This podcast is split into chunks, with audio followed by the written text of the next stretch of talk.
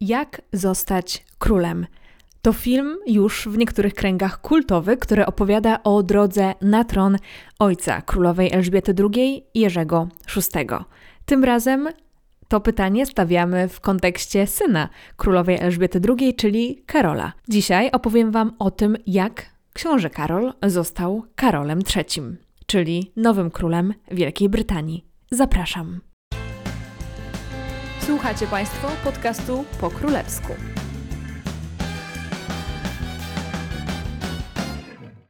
Cześć, nazywam się Anna Orkisz i jestem Waszą przewodniczką po królewskich tematach i dramatach. Jestem także autorką podcastu po królewsku, gdzie serdecznie Cię witam. Na wstępie chciałam Wam, jak zwykle, podziękować za wszystkie recenzje i oceny pozostawione w Apple Podcasts i Spotify. A jeżeli jeszcze tego nie zrobiliście, no to gorąco zachęcam, aby zostawić po sobie najlepiej 5 gwiazdek. To naprawdę pomaga mojemu podcastowi zdobyć nowych odbiorców. Wielka Brytania ma nowego króla. Jakkolwiek dziwnie to może brzmieć, to już nie królowa, ale król rządzi Zjednoczonym Królestwem. Teoretycznie sprawa wydaje się być dosyć prosta. Wedle zasady umarł król, niech żyje król, lub w tym wypadku umarła królowa, niech żyje król, kwestia zostania królem wydaje się być dosyć banalna, a wręcz automatyczna. Po prostu z końcem jednego istnienia rola spada na spadkobiercę. No i tak rzeczywiście się dzieje. Karol został królem z chwilą śmierci swojej mamy, Elżbiety. Koniec i kropka. Żadne tam deklaracje czy proklamacje nie są już potrzebne. Mógłby równie dobrze, chyba nie, przyjść na te wszystkie ceremoniały, no i tak byłby królem. Ale, no właśnie, ale te wszystkie tradycje, ceremonie, odwiedziny i przemówienia mają go uwiarygodnić w oczach klasy rządzącej, ale także ludu. A często, jak to tradycje są zakorzenione w zupełnie innej epoce, zdecydowanie przed powszechnym dostępem do informacji. No to przejdźmy do meritum. Jak właściwie Karol został królem? Może na samym początku wyjaśnijmy sobie, że Karol odziedziczył tron po matce królowej Elżbiecie II na podstawie prawa sukcesji w Wielkiej Brytanii, i tutaj nie będę w tym odcinku wdawała się w szczegóły praw, zależności, dekrety i tak które o tym stanowią, więc musicie mi po prostu uwierzyć na słowo, że tak jest. No i fakty są takie, że rzeczywiście Karol odziedziczył po Elżbiecie II tron Wielkiej Brytanii. Ale to nie jedyny tron czy funkcja, którą Karol dostał z momentem śmierci królowej Elżbiety II. Dodatkowo Karol dostał także pozycję głowy państw wspólnoty narodów, a także został głową państw w innych krajach, gdzie Elżbieta II była królową. I obie te funkcje łączą się z imperialną przeszłością Wielkiej Brytanii i z czymś, co kiedyś nazywało się Imperium Brytyjskie, e, a potem przekształciło się we wspólnotę narodów. Też nie będę dzisiaj tutaj e, się rozwodziła na temat wspólnoty narodów, ale generalnie jest to zrzeszenie państw, które właśnie były historycznie powiązane z Wielką Brytanią. E, I Tutaj jakby są dwie kategorie. Państwa, które tylko wchodzą jakby w skład tej powiedzmy organizacji międzynarodowej, ale jest też taka specjalna, ekskluzywna kategoria, czyli państwa, w których monarcha brytyjski także jest monarchą. No i właśnie Karol dostał pozycję głowy państw wspólnoty narodów, czyli jakby jest głową tego całego przedsięwzięcia, tej całej organizacji międzynarodowej, ale także został właśnie głową państwa w innych krajach, gdzie królowa Elżbieta tą królową była. I jeżeli chodzi o tą pierwszą z tych dwóch spraw, czyli tą głowę wspólnoty narodów, to nie jest to rola dziedziczna. Jednak zwyczajowo do tej pory była sprawowana właśnie przez brytyjskiego monarchę i wybór Karola na głowę Commonwealthu czyli wspólnoty państw, został potwierdzony przez Zgromadzenie Głów Państw Commonwealthu już w 2018 roku. A jeżeli chodzi o tę drugą sprawę, e, czyli właśnie o dziedziczenie bycia królem, tak, bycia władcą e, w innych państwach, to takich państw jest aż 15 i są to Kanada, Australia, Nowa Zelandia, Jamajka, Belize, Bahamy, Antigua i Barbadua, Grenada, Papua Nowa Gwinea, Grenadyny, Wyspy Salomona, Tuwalu, a także święty Vincent i Grenadyny, święta Lucja i państwo, z którego nazwą zawsze mam problem w języku polskim, nazwalibyśmy to chyba święty Kitts i Nevis ale dzisiaj jednak będziemy w dużej mierze oscylować jednak w rejonach Zjednoczonego Królestwa. No te dwie informacje tak dla porządku, żebyście wiedzieli, że to nie tylko król samej Wielkiej Brytanii. I rozpoczynając tę opowieść, muszę koniecznie odnieść się do poprzedniego odcinka, ponieważ opowiadałam tam o okolicznościach pogrzebu i ostatniego pożegnania Elżbiety II. Elżbieta zmarła o 15.10 8 września, a jej śmierć ogłoszono publicznie dopiero o godzinie 18.30, co nie zostawiało już tego dnia zbyt dużo czasu na realizację planu zaplanowanego na dzień śmierci monarchy, ani w wymiarze jej jakiegoś pożegnania, ani de facto w wymiarze wstępowania nowego króla na tron. I przez tak późne ogłoszenie wszystkie ceremonie przesunęły się o jeden dzień, bo na przykład przemówienie nowego monarchy miało mieć miejsce właśnie o godzinie 18 w dniu śmierci poprzednika, no a przez wzgląd na tą późną godzinę po prostu zostało przesunięte na kolejny dzień. Mimo, że nie wszystko poszło zgodnie z planem, no to myślę, że to nie ma dla nas zbyt dużego znaczenia, bo jestem pewna, że dla 99% z Was e, to jest pierwsza zmiana na tronie Wielkiej Brytanii, którą możecie obserwować. No i wszystko jest świeże i fascynujące. A może także i przede wszystkim miejscami zadziwiające, głównie swoim muzealnym powiewem. Zacznijmy więc od oświadczenia, wydanego przez pałac Buckingham y, o 18.30 właśnie 8 września. To był czwartek. W tym oświadczeniu pałac Buckingham poinformował o spokojnej śmierci królowej Elżbiety II, a potem nastąpiło zdanie. Król i królowa małżonka pozostaną na wieczór w Balmoral i udadzą się jutro do Londynu. Pierwszy raz wtedy o Karolu i Kamili napisano jako o królu i o królowej małżonce. Wielu dziennikarzom to nie przechodziło wtedy jeszcze przez usta. W wielu relacjach anglojęzycznych tego i kolejnego dnia występowały takie zlepki dosyć zabawne, ale jednocześnie myślę, że oddające właśnie dokładnie tamten moment, w którym świat się znajdował, bo były to takie zlepki jak jej wysokość królowa Karol albo w odniesieniu do monarchy po prostu królowa, a nie król. E, tego po angielsku Her Majesty King Charles albo właśnie Her Majesty Queen Charles e, pojawiało się dosyć sporo. Bo nadal na usta, jak mówimy o Karolu, tu jednak jeszcze się ciśnie książę Karol, a nie król Karol. E, no i wiadomo, to jest siła ponad 70-letniego przyzwyczajenia. Mm, i nagrywam ten odcinek ponad miesiąc po śmierci królowej Elżbiety, a nadal dziwnie się mówi o niej w czasie przeszłym, a tym bardziej dziwnie było mówić w czasie przeszłym o niej e, w dniu jej śmierci czy w kolejnych dniach. Ale nie tylko to. Uwydatniło to oświadczenie, że mamy nowego króla, czy Wielka Brytania ma właściwie nowego króla, ale Kamila została tam oficjalnie ogłoszona, nazwana królową, a nie pozostawała przy poprzednim tytule księżnej.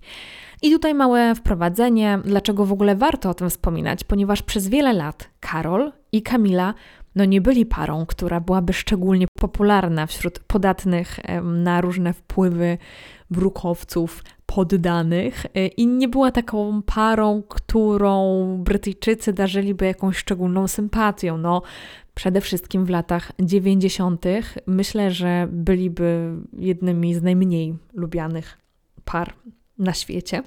I swoją królową popkultura upatrywała w Dianie, no jakby nie patrzeć, matce przyszłego króla Wielkiej Brytanii. I jeszcze kilka lat temu całkiem otwarcie dochodziły głosy, że nawet jeżeli Karol zostanie królem Karolem, no to nie będzie królowej Kamili, ale będzie księżna małżonka, a nie królowa małżonka. E, to troszkę analogicznie do księcia Filipa, który wcale nie był królem Filipem, ale właśnie księciem Filipem. Jednak na początku 2022 roku, w przeddzień swojej 70. rocznicy panowania na tronie, Elżbieta wyraziła w wiadomości z okazji właśnie swojego jubileuszu wolę, że kiedy nadejdzie czas, no to wtedy Kamila będzie wspierała Karola jako królowa małżonka. I to wywołało mm, taką trochę burzę w mediach, ale także ostatecznie zamknęła usta niedowiarkom i zamknęło całą sprawę. I Kamila jest królową małżonką. Po angielsku to jest Queen Consort, ale zwracanie się do niej po prostu królowa jest jak najbardziej ok, ponieważ ma dokładnie taki sam status jak na przykład królowa matka, e, kiedy ojciec Elżbiety był na tronie. Po prostu mówimy o niej królowa, królowa Kamila i wszystko jest ok. Około godzinę później, e, czyli godzinę po tym oficjalnym oświadczeniu z pałacu Buckingham, ukazało się oświadczenie samego króla Karola III, w którym odniósł się właśnie do śmierci Elżbiety, jako do śmierci królowej, ale także jako do śmierci mamy.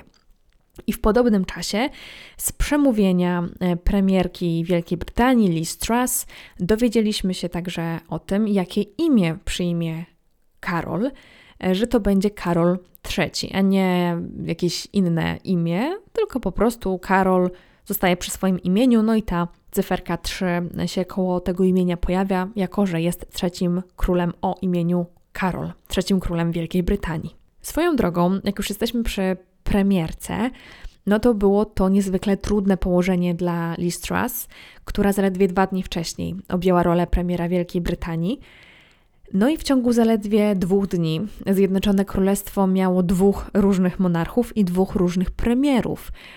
Swoją drogą, kiedy nagrywam ten podcast, e, to minęło zaledwie kilka dni od rezygnacji Liz Truss ze stanowiska e, premiera Wielkiej Brytanii e, na stanowisku, mm, ze stanowiska, na którym była zaledwie 45 dni.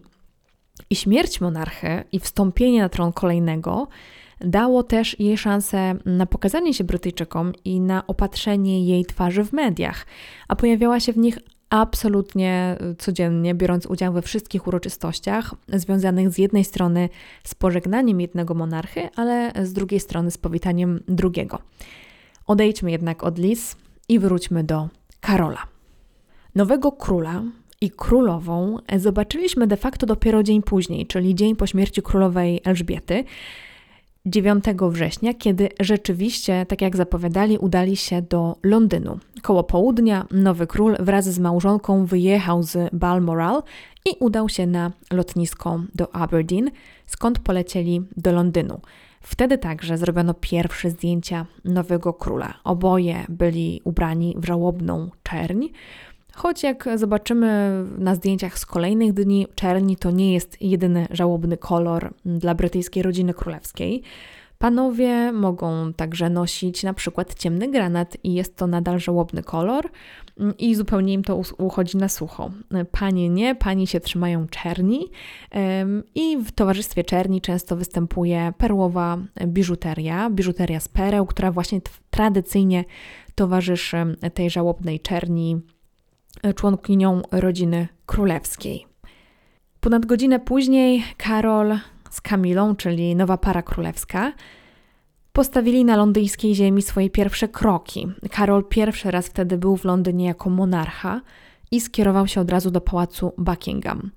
Tego ikonicznego pałacu Buckingham, który jest też symbolem brytyjskiej monarchii. W okolicach pałacu Wieczorem, zaraz po ogłoszeniu śmierci Elżbiety II, zebrały się tłumy, które zostawiały tam kwiaty i, i chciały być po prostu częścią tego epokowego wydarzenia. I nie inaczej było kolejnego dnia, e, gdzie przy okazji osoby, które tam przyszły, mogły właśnie obserwować przyjazd nowego króla, króla Karola, do tego ikonicznego pałacu. I czekały tam na niego tłumy. Kiedy przejeżdżali e, przez tak ważną dla królewskich wydarzeń The Mall, czyli taką paradną ulicę zaraz koło pałacu Buckingham, to słychać było oklaski, tłum po prostu wrzał. Słychać było na przykład takie okrzyki jak God Save the King, czyli Boże chroń króla, ale także tytuł nowego hymnu Wielkiej Brytanii. Także powitanie w Londynie było niezwykle, niezwykle ciepłe. I nagle, przed samym wjazdem do pałacu Buckingham, samochód wiozący Karola i Kamilę zatrzymał się. I ku, ja myślę, zdumieniu absolutnie wszystkich, moim także, bo widziałam ten moment w telewizji na żywo, para królewska wyszła z samochodu i spotkała się po prostu z Londyńczykami. Witała się z przybyłymi pod pałac, dziękowała na, za przybycie ściskała ręce. E, wszyscy w ogóle wydawali się być bardzo poruszeni, bo e, i para królewska, ale też ci, którzy pod tym pałacem czekali. I ja wtedy zdałam sobie sprawę, chyba pierwszy raz, że tak naprawdę nastąpiła ta zmiana warty na tronie. I oni po prostu, no oprócz um, opłakiwania poprzedniego monarchy, przyszli powitać nowego króla. Jestem swoją drogą też ciekawa, czy to było zaplanowane, czy jednak spontanicznie Karol powiedział: Ej, ej, wysiadamy, proszę się zatrzymać, idziemy uścisnąć ręce, yy, czy nie? No bo yy, z perspektywy tych kolejnych yy, kilku tygodni i kolejnych dni, które po tym przyszły, to był taki pierwszy, ale bardzo wyraźny sygnał z serii: chcę być bliżej ludzi, chcę ich słyszeć, chcę ich słuchać ale chcę też pocieszać w trudnych chwilach, na przykład takich jak, jak śmierć poprzedniego monarchy. Chcę być z nimi. I tak chyba Karol trochę widzi rolę monarchy, po prostu bycie ze swoim narodem, i to był pierwszy dowód na to, na tę jego wizję. Już w pałacu Buckingham we wnętrzu Karol właśnie spotkał się e, na audiencji z premierką Liz Truss. O 18 przyszedł czas na to, na co wszyscy czekali. A także ja myślę, że w pewnym stopniu się obawiali. Dlatego, że był to niezwykle ważny moment dla samego Karola, jego pierwsze przemówienie do narodu jako król po śmierci swojej matki mm, Elżbiety. Czy przemówienie było pisane już kilka lat przed tym zajściem? Najprawdopodobniej tak. Myślę, że tutaj niektóre fragmenty były bardzo uniwersalne i można je było naszkicować już e, kilka miesięcy czy nawet lat temu, e, ale też jest troszeczkę takich osobistych wstawek. Zaraz jeszcze do tego przejdę. E, myślę, że jednak ten ostateczny tekst był w swojej prostocie niemal takim majstersztykiem. On nie tylko przedstawiał nowego króla jako osobę, która chce być blisko swoich poddanych, no ale także zamknął spekulacje na wielu frontach i wieloletnie plotki. I co było w tym przemówieniu? Tak zwięźle. W przemówieniu Karol odniósł się do Elżbiety jako do mamy, która będzie opłakiwana i której będzie jego rodzinie bardzo brakowało. Podkreślił, że tak jak przez swoje życie wypełniała wypowiedzianą jako 21-latka obietnicę służby, i to była ta obietnica niezależnie od tego, czy jej życie będzie długie czy krótkie, to poświęci je służbie mm, na rzecz wspólnoty narodów i na rzecz ludzi, na rzecz narodu też brytyjskiego. No i okazało się to życie bardzo długie, a królowa, według Karola, łączyła w swoim długim panowaniu tradycję, ale także progres. Król w bardzo przejmujący sposób e, obiecał służbę narodowi, tak długo jak pozwoli mu na to Bóg, a także, że nieważne gdzie mieszkasz, jaką masz wiarę, jakie pochodzenie, to on będzie ci służył z lojalnością, szacunkiem i miłością. Mówił też, że nie będzie w stanie dawać tyle czasu i zaangażowania w sprawy, które przez lata były dla niego ważne, ale wie, że przejdą one w dobre ręce. I tutaj szczególnie myślę, że warto zwrócić uwagę na takie mm, inicjatywy, jak na przykład jego fundacja Prince Trust, um, inicjatywy ekologiczne, ale także Walie, której patronował przez blisko pół wieku. Bardzo ciepło wyrażał się także o swojej żonie Kamili, mówiąc, że liczy na kochające wsparcie swojej drogiej żony Kamili, no i w uznaniu za jej już 17-letnią służbę publiczną, Kamila zostanie królową małżonką. E, ogłosił także, że William przejmie po nim jego szkockie tytuły, ale także księstwo Cornwalli e, i także ogłosił e, Williama księże, księciem Walii, czym jednoznacznie określił rolę Williama jako następcę tronu i księcia Walii, a także spadkobiercę obowiązków Karola. No i odniósł się także do swojego drugiego syna, Harego. Wyraził swoją miłość do Harego i Meghan podczas gdy budują swoje życie za oceanem. No i tutaj także jednoznacznie słychać, że oni nie będą zaangażowani w sprawy monarchii, ale nadal pozostają częścią rodziny. W imieniu całej rodziny także podziękował za wyrazy wsparcia i kondolencje a pod koniec przemówienia zwraca się w bardzo przejmujący, wzruszający sposób bezpośrednio do swojej mamy, która jest w drodze do taty. I po prostu im dziękuję. To jest taki skrót z dziewięciominutowego przemówienia.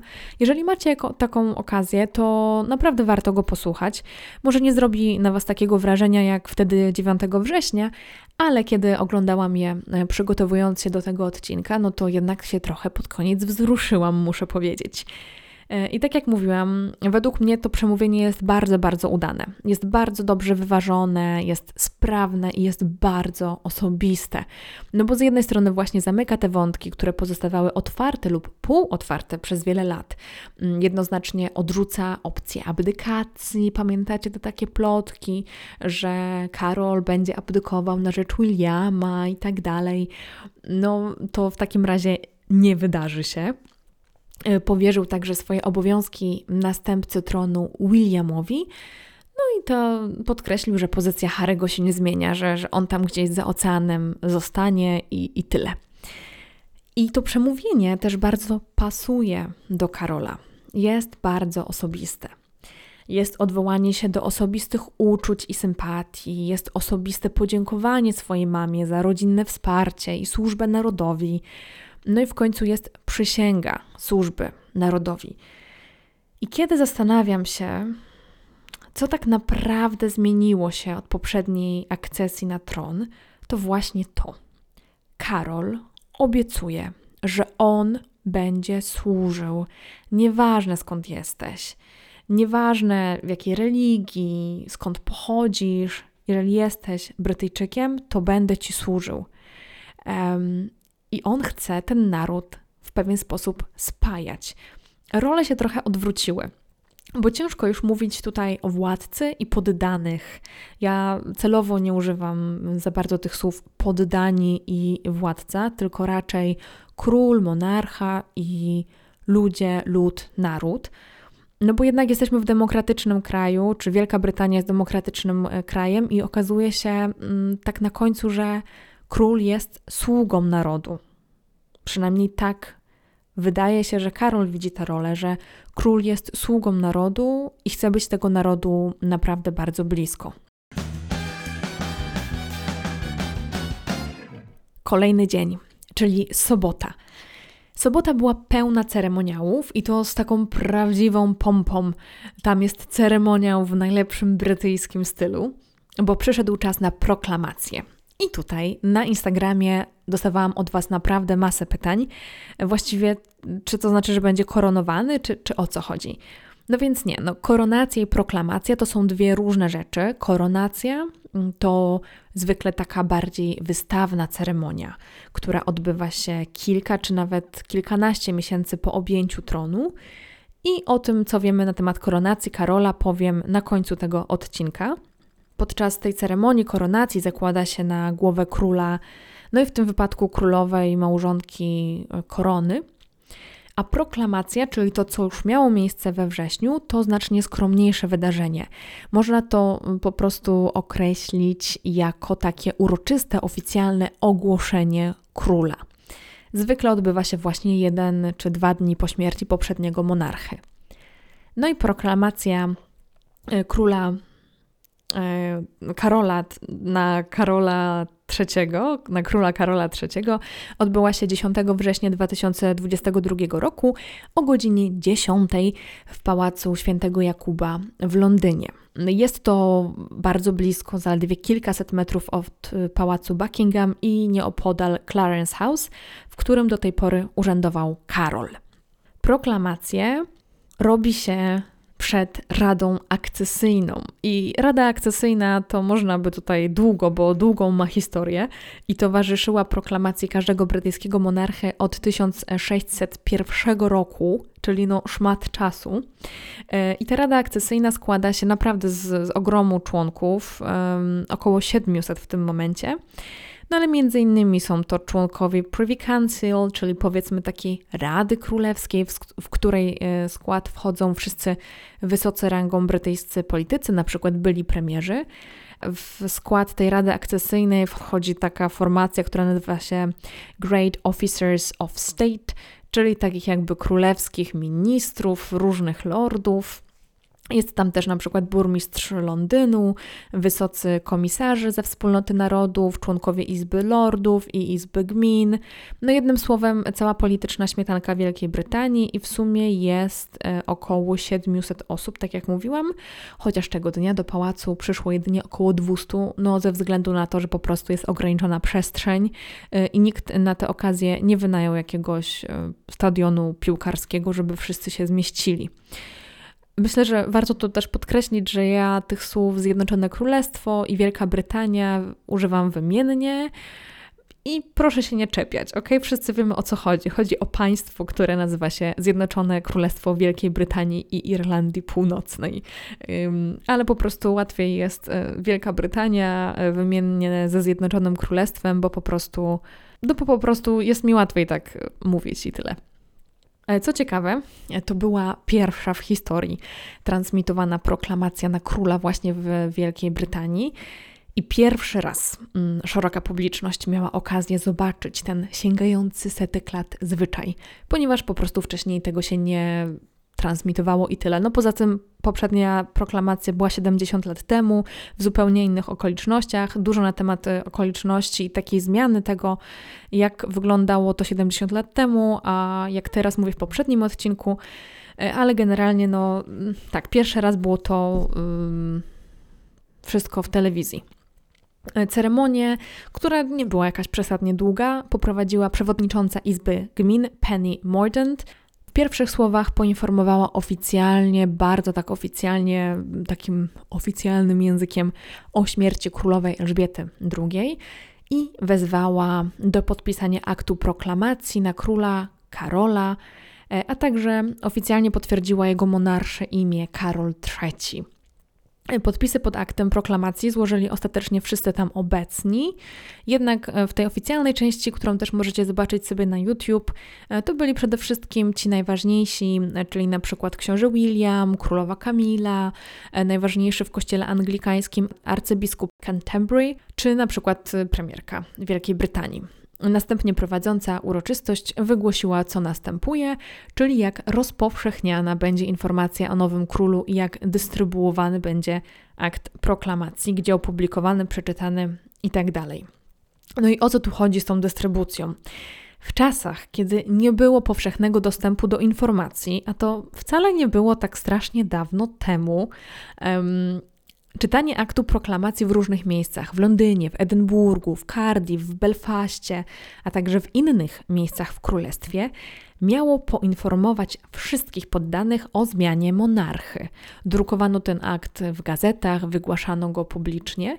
Jednym słowem, sposób to był na rozsyłanie wieści y, dosyć staroświecki, dosyć staroświecki jak na XXI wiek. No bo teraz oczywiście można sobie sprawdzić w internecie i jesteśmy w kilka minut poinformowani. No, ale to jest taki stary sposób, tradycyjny. Oczywiście można te procedury zmienić, ale musiał o tym by zadecydować parlament. I następnie, zaraz po tym, szanowne gremium, e, tym razem to było tylko Privy Council, czyli tak jakby troszeczkę mniejsze gremium, zebrało się w sali tronowej, która jest e, obok tej sali, w której wcześniej byli nadal w Pałacu Świętego Jakuba i wszyscy tam czekali na króla. Na stojąco w ogóle, dlatego że tradycyjnie Privy Council, czyli ci najwyżsi rangą politycy, powiedzmy Wielkiej Brytanii, nie siadają na spotkaniach z królem. I tam Karol III wygłosił deklarację służby narodowi, dość podobną do przemówienia z poprzedniego dnia, ale nieco bardziej sformalizowaną. Po raz kolejny zawierzył swój czas na tronie Bogu i zapewnił, że będzie panował do końca życia. Karol także złożył przysięgi Kościołowi Szkocji. Rola głowy Kościoła Anglikańskiego idzie niejako z koroną, ale jeżeli chodzi o właśnie przysięgę Kościołowi Szkocji, no to musi być ona osobno podpisana.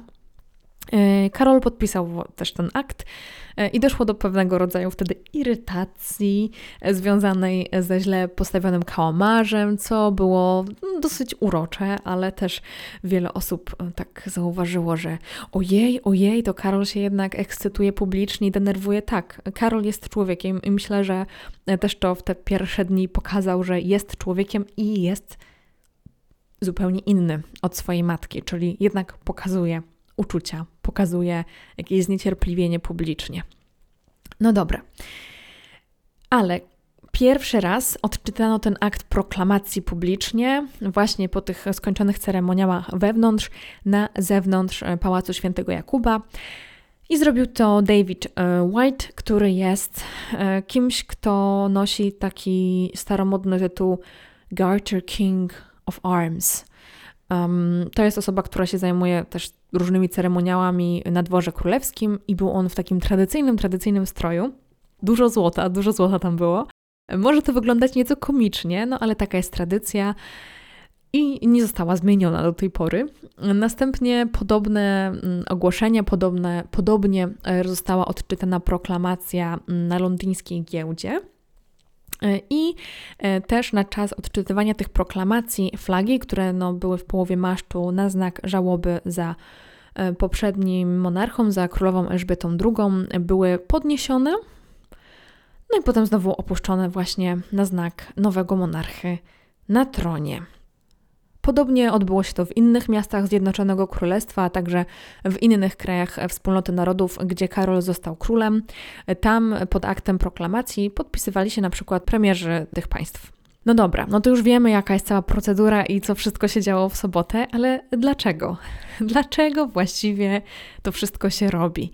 Czy to nie wystarczy, że w sumie ten Karol jednak po prostu dziedziczy i tyle i jest królem Inara? Że tak się kolokwialnie wyrażę, w jednym zdaniu, mm, no to po to się to robi, żeby nie było wątpliwości. Jeżeli oglądaliście Grę o Tron albo teraz nowy serial z tego uniwersum Ród Smoka, to wiecie, że sprawa tronu no, może być nieco skomplikowana i nieraz y, wielu było ku te, do tego tronu pretendentów. Oczywiście tutaj nie mówimy o żelaznym tronie, e, ale takim zwykłym drewniano-tekstylnym i metaforycznym także. No ale przez lata mieli do niego, na niego chrapkę jednak różni ludzie. Także oficjalne uznanie króla y, przez właśnie Privy Council, czy przez tą Radę Akcesyjną, a także ogłoszenie króla poddanym, jako takiego ma sens. Y, po prostu jest to jakby no oficjalne uznanie, że osoba, która podaje się za króla, tym królem jest. I ta informacja jest potem szerzona do poddanych, żeby poddani też nie mieli wątpliwości. Tutaj jednak używam tego słowa poddani, no bo mówimy o monarsze jako o instytucji. Dodatkowo, no jak zmienia się prezydent w jakimś kraju, w większości myślę tak jest, nie mogę ręczyć czy, czy, czy we wszystkich, no to jest coś takiego jak moment zaprzysiężenia takiego delikwenta na urząd. Nie trzeba daleko szukać, dlatego że nawet w polskim systemie wybrany na kadencję prezydent e, składa właśnie przysięgę przed Zgromadzeniem Narodowym, czyli oboma izbami polskiego parlamentu, Sejmem i Senatem. Może to nie jest e, tak. Um, widowiskowe, jak wejście, wstąpienie nowego króla Wielkiej Brytanii na tron, ale jest. Okazuje się, że instytucja proklamacji króla, oprócz nieco zabawnych kostiumów rodem z muzeum, no wcale nie jest jakaś taka egzotyczna. O 11, czyli zaraz po tym wszystkim, odbył się salut armatni, 21 strzałów w różnych częściach królestwa, też na przykład w Londynie. Tego dnia także zebrał się brytyjski parlament, aby złożyć przysięgę nowemu królowi, królowi Karolowi, e, a sama sesja parlamentu została zawieszona na kolejne 10 dni, czyli po prostu parlament nie pracował. Po południu, już jako bardzo tak oficjalny Karol III, e, już w pełni, w pełni zlegitymizowany, e, król przyjął na audiencję członków gabinetu i także premierkę Wielkiej Brytanii. Kolejnym i ostatnim, powiedzmy, formalnym krokiem było odwiedzenie czterech podstawowych części królestwa, czterech krajów, które wchodzą właśnie w skład Zjednoczonego Królestwa Anglii, Szkocji, Walii i Irlandii Północnej. Odwiedzenie ich parlamentów czy zgromadzeń, a także po prostu spotkanie się z ludźmi. Karol wraz z Kamilą udał się na takie Tour de Zjednoczone Królestwo, ja to tak nazywam, już dwa dni później, w poniedziałek 12 września. Rozpoczął e, to tournée od spotkania z Izbą Lordów i Izbą Gminy w Westminster Hall w Londynie, gdzie przyjął kondolencje od Izb e, brytyjskiego parlamentu, a także wygłosił przemówienie, gdzie zapewnił, że będzie rządził wytrwale i z poparciem parlamentu. Następnie jeszcze tego samego dnia król wraz z królową udali się do Szkocji, gdzie w Edynburgu także spotkali się z parlamentem, tym razem szkockim parlamentem. We wtorek para królewska poleciała do Belfastu, gdzie wizyta przebiegła podobnie, czyli spotkanie e, z takim zgromadzeniem, e, a także po prostu z, z ludźmi gdzieś tam na ulicach. A w piątek para poleciała do Cardiff, e, do bliskiej Karolowi Walii. Mówię o tym tak z przymrużeniem oka, trochę tak tournée po Wielkiej Brytanii, tour de Zjednoczone Królestwo, ale prawda jest taka, no, że Karol zrobił to dobrze. W ciągu pierwszego tygodnia na tronie odwiedził wszystkie kraje, które wchodzą w skład jego królestwa. I spotkał się nie tylko z parlamentami, z politykami, ale także z ludźmi. Także słysząc gdzieś tam niezadowolone głosy, na przykład w Walii not my king, czyli nie mój król. I to pokazuje też, że Karol nie koncentruje się tylko na Anglii, nie bierze za pewnik tego, że Unia i Zjednoczone Królestwo w takiej formie mm, jest dane raz na zawsze. I nie udaje, że nie słyszy przebijających się gdzie niegdzie wołań za samodzielnością czy jakichś antymonarchicznych wezwań. Szczególnie w takim czasie mm, jak ten, kiedy kraj Wielka Brytania jest rozregulowana politycznie przez pandemię, Brexit, niestabilność rządów, no to Karol wie, że o Wielką Brytanię trzeba się starać. I on chce być tym czynnikiem jednoczącym Brytyjczyków. Czy mu się uda?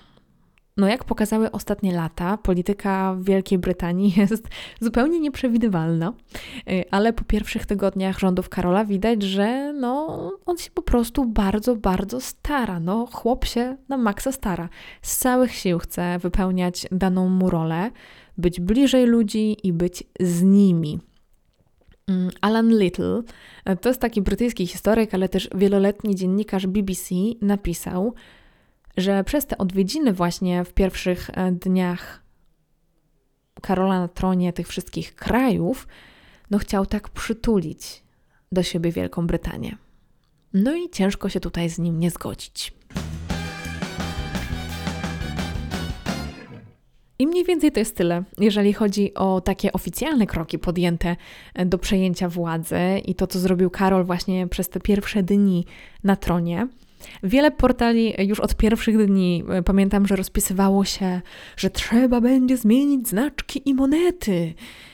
No i wiadomo, że to jest super klikalne, łatwe i przyjemne, mm, ale nie jest to jakiś proces przejmowania władzy, e, a raczej jego skutek.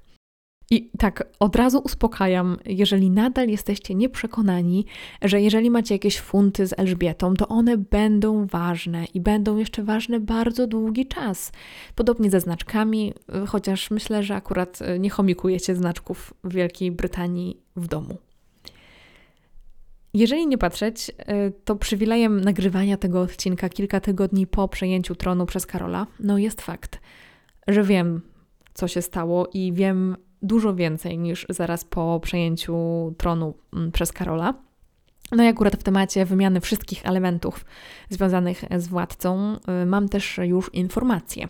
Po pierwsze, 27 września, czyli po zakończeniu królewskiej żałoby, opublikowano takie oficjalne logo króla Karola III. Jeżeli kojarzycie to takie E2R, które jest na przykład na skrzynkach pocztowych w Wielkiej Brytanii, no powiedzmy jest to takie logo monarchy. E, po angielsku to się nazywa Royal Cipher. I opublikowano ten karolowy, mm, który jest po prostu ładnie ułożonymi literami C, R oraz 3, C jako Charles, R, Rex, czyli król po łacinie i 3, no bo, no bo jest trzecim, Karolem. No i za tym y, ruszyła taka cała machina oznaczania na przykład tym logo Kopert. Pojawiły się także informacje, co dalej z jego wykorzystaniem, i wtedy też przeszły informacje, co na przykład z pieniędzmi i znaczkami, więc już Wam mówię. No i tak, pieniądze. Nowe banknoty z Karolem będą wprowadzone w obieg w połowie 2024 roku, czyli dopiero za dwa lata, mm, a podobizna, która się na nich znajdzie, zostanie opublikowana jeszcze przed końcem tego roku, przed końcem 2022.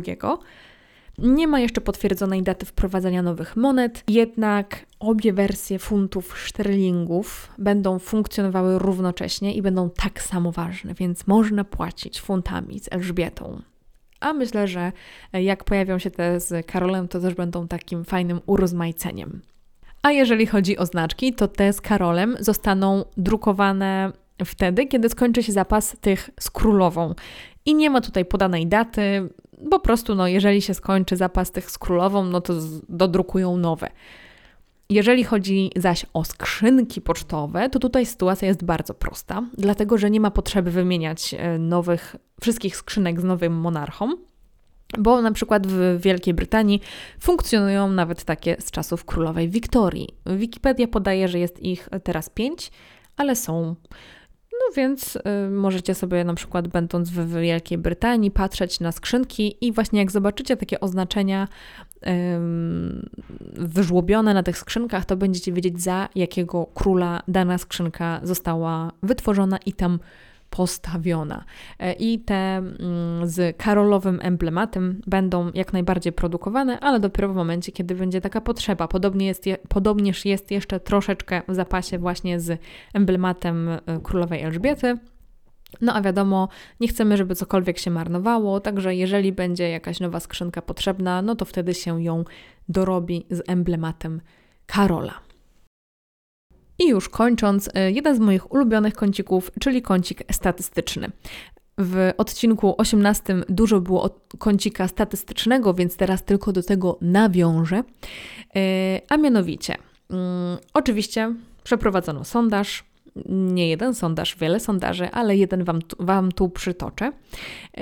W, we wrześniu 2022 roku przeprowadzono sondaż i pytano, czy pan, pani i pytano respondentów, czy uważają, że Karol jako król zrobi dobrą robotę. Po prostu. No, czy będzie dobrym królem, jednym słowem. I 61% e, respondentów odpowiedziało, że myśli, że tak będzie. I jest to o 12 punktów procentowych więcej niż w czerwcu tegoż roku 2022 um, ponieważ wtedy 49% respondentów e, uważano, że, uważało, że Karol zrobi dobrą robotę e, kiedy zostanie królem, także no, poparcie Karola skoczyło do góry. Myślę, że jest całkiem nieźle. Tylko 13% respondentów uznało, że Karol zrobi złą robotę jako król, że będzie po prostu słabym królem. I też jest to um, spadek o 7 punktów procentowych względem czerwca. Także no generalnie notowania Karola rosną. E, a tak Słuchajcie, dla porównania, dlatego że ja bardzo lubię porównywać, e, jeżeli chodzi o te dwa sondaże, e, to zapytano też o księcia Williama. Co respondenci sądzą na temat księcia Williama? No i wyobraźcie sobie, że 72% respondentów uważa, że książę William byłby dobrym królem kiedy nadejdzie na to czas. Także no, nadal, że tak powiem, książę William ma większe poparcie, ale książę Karol um, cieszy się coraz większym poparciem swojego narodu, e, a przynajmniej cieszył się pod koniec września 2022 roku. Póki co powstrzymam się z ocenami i wnioskami z pierwszych tygodni Karola na tronie, oprócz tego, co już powiedziałam wcześniej, mm, bo jeżeli macie ochotę posłuchać o tym, jakie Karol ma plany na swój urząd y, i po prostu troszeczkę więcej też na temat sondaży, to dobrym dopełnieniem tego odcinka jest odcinek 18, gdzie mówię o monarchii właśnie po śmierci królowej Elżbiety II. I na sam, sam koniec e, powiem Wam w wielkim telegraficznym skrócie, co wiemy o kolejnych krokach, czyli o koronacji Karola III. A mianowicie, koronacja jest zapowiedziana na 6 maja 2022 roku. Odbędzie się ona w Londynie w opastwie westminsterskim.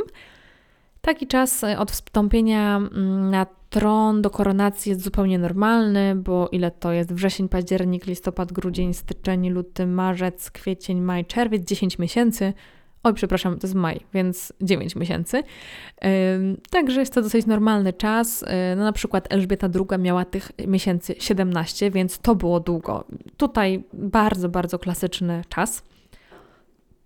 A poza tym to jest fajna uroczystość, że tak powiem kolokwialnie, żeby ją mieć w ciepły dzień. Wraz z królem koronowana będzie także jego żona królowa Kamila, królowa małżonka. Pałac Buckingham podał, że ceremonia będzie odzwierciedlać obecną rolę monarchy i będzie skierowana ku przyszłości, jednocześnie będąc zakorzenioną w przeszłości. Intrygująco, że tak powiem, jest to ujęte. Ja bym po prostu się spodziewała takiej skromniejszej y, uroczystości niż miała królowa Elżbieta II, ale jeszcze więcej szczegółów na ten temat nie podano.